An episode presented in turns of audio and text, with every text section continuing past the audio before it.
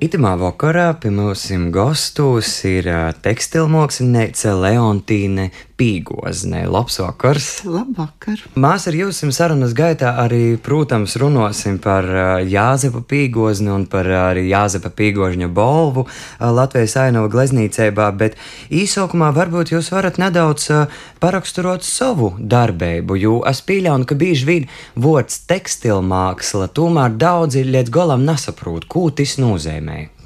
Es eh, esmu beigusi savā laikā Valsts Mākslas akadēmijas tekstilmākslas nozari, un esmu, esmu viena no tām laimīgajām, kas ir beigusi pie Rudolfa Heimrāta. Tas bija mans profesors un, un ļoti, ļoti cienījams mākslinieks, kurš vispār atjaunoja mākslas, tekstilmākslas žanru. Latvijā. Jo, teiksim, audējus to mēs visi saprotam, bet gobelēna aušana tā tomēr ir franču tehnika, vēsturiska, un viņi agrāk nebija Latvijā.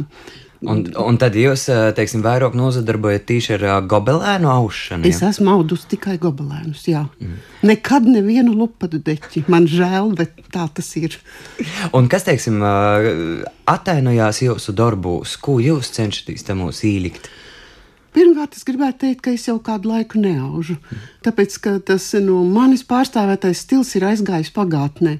Un tieši konkrēti man, man vienmēr ir paticis zīmējums, konkrēts zīmējums, un es esmu mēģinājis arī šo konkrēto zīmējumu izaust. Un tādi arī ir visi mani darbi.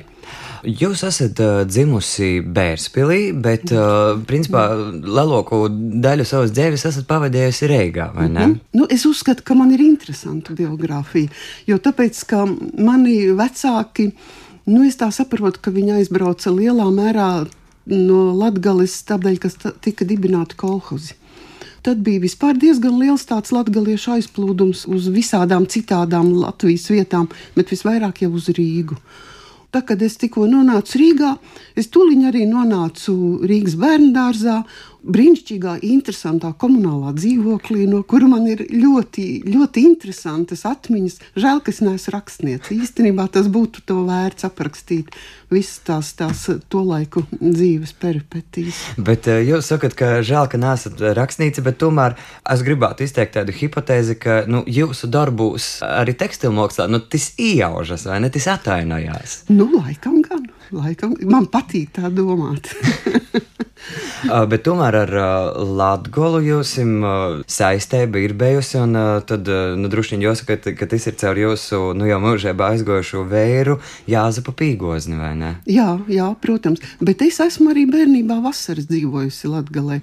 Un patiesībā sakot, tad, kad es klausos daudzus mūsu kultūras darbiniekus, kuri ir pie savām babiņām dzīvojuši vasaras, tas ir atstājis viņiem milzīgu iespaidu, milzīgu. Nu, droši vien arī saprasties ar Jāzepu bija tāpēc vieglāk. nu, Bet, jā. kādu latgolu un kādu latgaliskumu jūs jums Jāzeps parodē? To nemaz tik vienkārši nevar atbildēt. Nu, pirmkārt, nu, viņam, protams, patika latgale no sākuma, no, no matu galiņiem līdz papēžiem. Tā tad gan ainava, gan ļaudis, gan folklora, gan tautas māksla. Īstenībā tā bija laikam tautas māksla, kuru Jāzeps mani sapazīstināja ar tā laika keramiķiem. Mēs bijām labos draugos ar Polikarpu Čerņauska ģimeni. Un tas arī ir atsevišķs stāsts, ļoti interesants. Un tādā veidā jūs ar vien vairāk un vairāk nu, dabūjāt šo latviešu. To jau nevar nedabūt. Bija tāda mākslinieca Biruta Baumane. Viņa bija tikai vienu reizi bijusi Latvijas kāzās. Viņa pēc tam visu mūžu to atcerējās. Ik pa brīdi viņai viņas eh, mākslā parādījās tā tēma - kāzas latgalē. Bet tad jautājums, kāds jums varētu būt tāds notikums, vai kas, kas jums sekoja, nu, tīši ar latgabalu vai latgalisko saistīts, un nu, tā, ka tiešām visu dzīvi? Arī tās ir kā reize latgalis kāzas. Man bija 14 gadi, es atbraucu uz, uz laukiem. Un man pēkšņi saka, ka viena tēva jaunākā māsīca precās, un ka viņiem pietrūkst kaut kādu darba roku. Nu, tad es ar vārdu sakot, piedalījos tajā kāzu rīkošanā, kas bija pilnīgi savādāk nekā es, es vispār savā dzīvē varēju iedomāties. sākot no kaut kāda lopu kaušanas, un tur kaut kādas gaļas gatavošanas, un kā tas viss izskatījās. Un tad es pirmoreiz arī redzēju, kā tas ir, kad atved tādu ledus kluci, ieliek, man liekas, ka pagrabā tas bija, tas bija tikai šķūnī. Tad no tā tur tagad tas augstums radās, nu tāds ledus skapis mērens, un pēc tam visas kāzas apdziedāšana un man vēl paņēma panāksnos uz otru galu. Ak, vai es dabūju pēc pilnas programmas Latvijas kāzas. Cik bieži jums tādu sanāk būt Latvijā vai sazaskart ar latgaļisku kultūru vai mākslu? Kas attiecās uz tīri sadzīviskām lietām, tad tās es vairs tā kā īsti neredzu, jo man vairs nav to radu palikuši latgalē. Toties man tagad ir par mani latgalisko draugu pulku ir kļuvuši prēlēnieši visi mm, preļu muzeja cilvēki, viss tas, kas notiek ar, ar preļiem. Protams, reizekne, tā, bez tās jau nekā tur jau mums tagad viss, viss tas galvenais un viss svarīgākais mums tagad gors ir. Nu. Tas jau, es domāju, sniedz arī īspēju, tai ļoti labi pazavērt šobrīd no malas uz Latgolu. Un kā jūs vērtētu visus tos procesus, kas šobrīd notiek? Saistībā ar latgalīšu valodu, saistībā ar latgalīšu kultūru, arī mākslu. Nu, man vispār ļoti patīk Latvija. Nu, tā sirds jau vienmēr silst uz to Latviju. Viss, kas notiek Latvijā, ir jauks un patīkams un kaut kā īpašs. Tomēr man vienmēr ir patikusi folklora. Vienmēr, un man arī tagad patīk visi folkloras ansambļi, kur ir tik daudz latgalē, vairāk nekā, nekā vi, nu, citos visā, novados. Vis, visos mm. novados kopā ņemti. Tad, protams, man ļoti patīk, kā šodien Latvija ir sakopusies, cik skaista palikusi, cik jaukas ir daudzas vietiņas, kas kādreiz bija nu, vienkārši aizlaistas un aizaugušas. Jo patiesībā jau Latvijas aina vienmēr bijusi ļoti skaista, un to Jāzeps ir teicis, ka viņa bērnībā, kamēr tā Latvija nebija aizaugusi, ka viņas tas raksturs tiek pakalni un lejas, tas arī viņu ļoti uzrunāja un mudināja gleznot to latgales ainavu. Un tad bija tas viens tas padomju laiks, kad viss gāja tā, kā tas gāja, un viss aizauga. Un brīžiem tu pat nevari saprast, un nevari noticēt, ka tur ir bijusi brīnišķīga ainava. Un, ja tur, teiksim, izcirstu tos krūmus, un, un, un ja to pēkšņi kaut kur izdara, tad mēs pēkšņi redzam, ak, vai cik skaisti nu, tādu, tādu vietu kļūst aizvien vairāk, un par to ir prieks. Un prieks arī par to, ka beidzot Latvijā ir arī tīrumi, jo tas arī ir tas, kas vienā brīdī bija pazudis. Likās, ka nu, nav nekā vairs. Nav. Tad, principā, varētu teikt, ka tāda uh, Latvijas ainavā vistrokākais, kas ir bijis, ir tieši tā aizaugšana ar, jā, ar jā, brikšņiem, jā, ar jā, jā, jā, jā, un tā tālāk. Bet kā jūs teiktu, kāda tad ir tā tipisko latgāles ainava. Nu, teiksim, tā, ja mēs tagad mhm. klausītājiem varētu uzbūvēt mhm. tādu glaznu. Jāzeps teica vienmēr, viskaistākā vieta ir pie ritiņiem, pie reizeknes. Un tur viņam pat ir bijušas vairākas ainavas. Es nezinu, vai viņi ir pilnībā tik skaisti, kā bija kādreiz viņa, viņa tajās nu, glaznās un viņa atmiņās. Uh, Tie ir tie nelielie pakalni, kaut kur starp pakalnēm ezeriņš, kaut kur kāda bērnu virzīte, tāda maziņa sveicīte, maziņa maziņa. Tad es domāju, mēs šobrīd varētu arī pīzvērst sarunā arī Jāzepa Pīgožņa balvai Latvijas ainava gleznīcībā, kas tiek padūta jau kopš 2015. gada, un uh, itos balvas uh, žūrēs uh, komisijas locekļa kādu laiciņu, esat arī mm -hmm. jūs. Kāds ir itos balvas mērķis un te dūma galveno? Vispār jau tas taisni tā arī atzima, ka vajadzētu kaut kā popularizēt ainavu glezniecību un mēģināt panākt, lai viņa nepazūd no Latvijas. Jo nu, to, ka katrs pašdarbinieks pirmais, ko dara, viņš glezno kaut kādu ainavu. Bet eh, profesionālie mākslinieki ļoti bieži iziet cauri ainavai tā, tā diezgan fiksi studiju gados, un pēc tam pievēršās citām tēmām. Bet um, ainava ne par matu nav sliktāks mākslas žanrs kā visi citi. Savā laikā vispār ļoti populārs un, un ļoti gribētos, un man jau šķiet, ka arī tagad kļūst aizvien populārāks. Patiesībā tas bija neļaut pazust Latvijas ainavai kā mākslas žanram. Kādi ir jūsu vērojumi tādu pīzadalu konkursa žūrējā? Kādi ir tie darbi, kāda šobrīd ir Latvijas ainava gleznīcība? ļoti dažādi. Jo tāpēc, ka tos darbus sanes ļoti, ļoti daudz, atlase. Diemžēl iznāk diezgan nežēlīga. Man vienmēr ir žēl to cilvēku, kas ir cerējuši un atnesuši, un tomēr īsti nepavelk. Ir ļoti labi darbi, ļoti labi darbi, un tas priecē. Un, kā redziet, šogad e, vinnēja māksliniece no Latvijas, Agra Ritiņa. Un, nu, skaisti, ka tās ir Latvijas tās meitenes, kas tur tagad turpina gleznot Latvijas ainavu.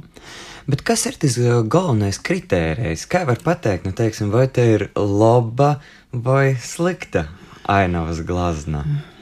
Veroties pēc jūsu sēdes, es saprotu, ka tas ir tāds nu, gandrīz jau neizspējams jautājums uzdūts. Nu, tas ir apmēram tas pats, kad jums prasīt, kas ir māksla? Cik cilvēki tik būs atbildžu? Redziet, ir jau arī tā, ka mēs tomēr esam tur tāds bariņš, mēs esam žūrijā, tur 5, 6 cilvēki, dažreiz arī 7, jo viss jau atrodas preilieniešu rokās, par cik viņi tā sacīt, jāsaka, šo balvu arī ir iedibinājuši.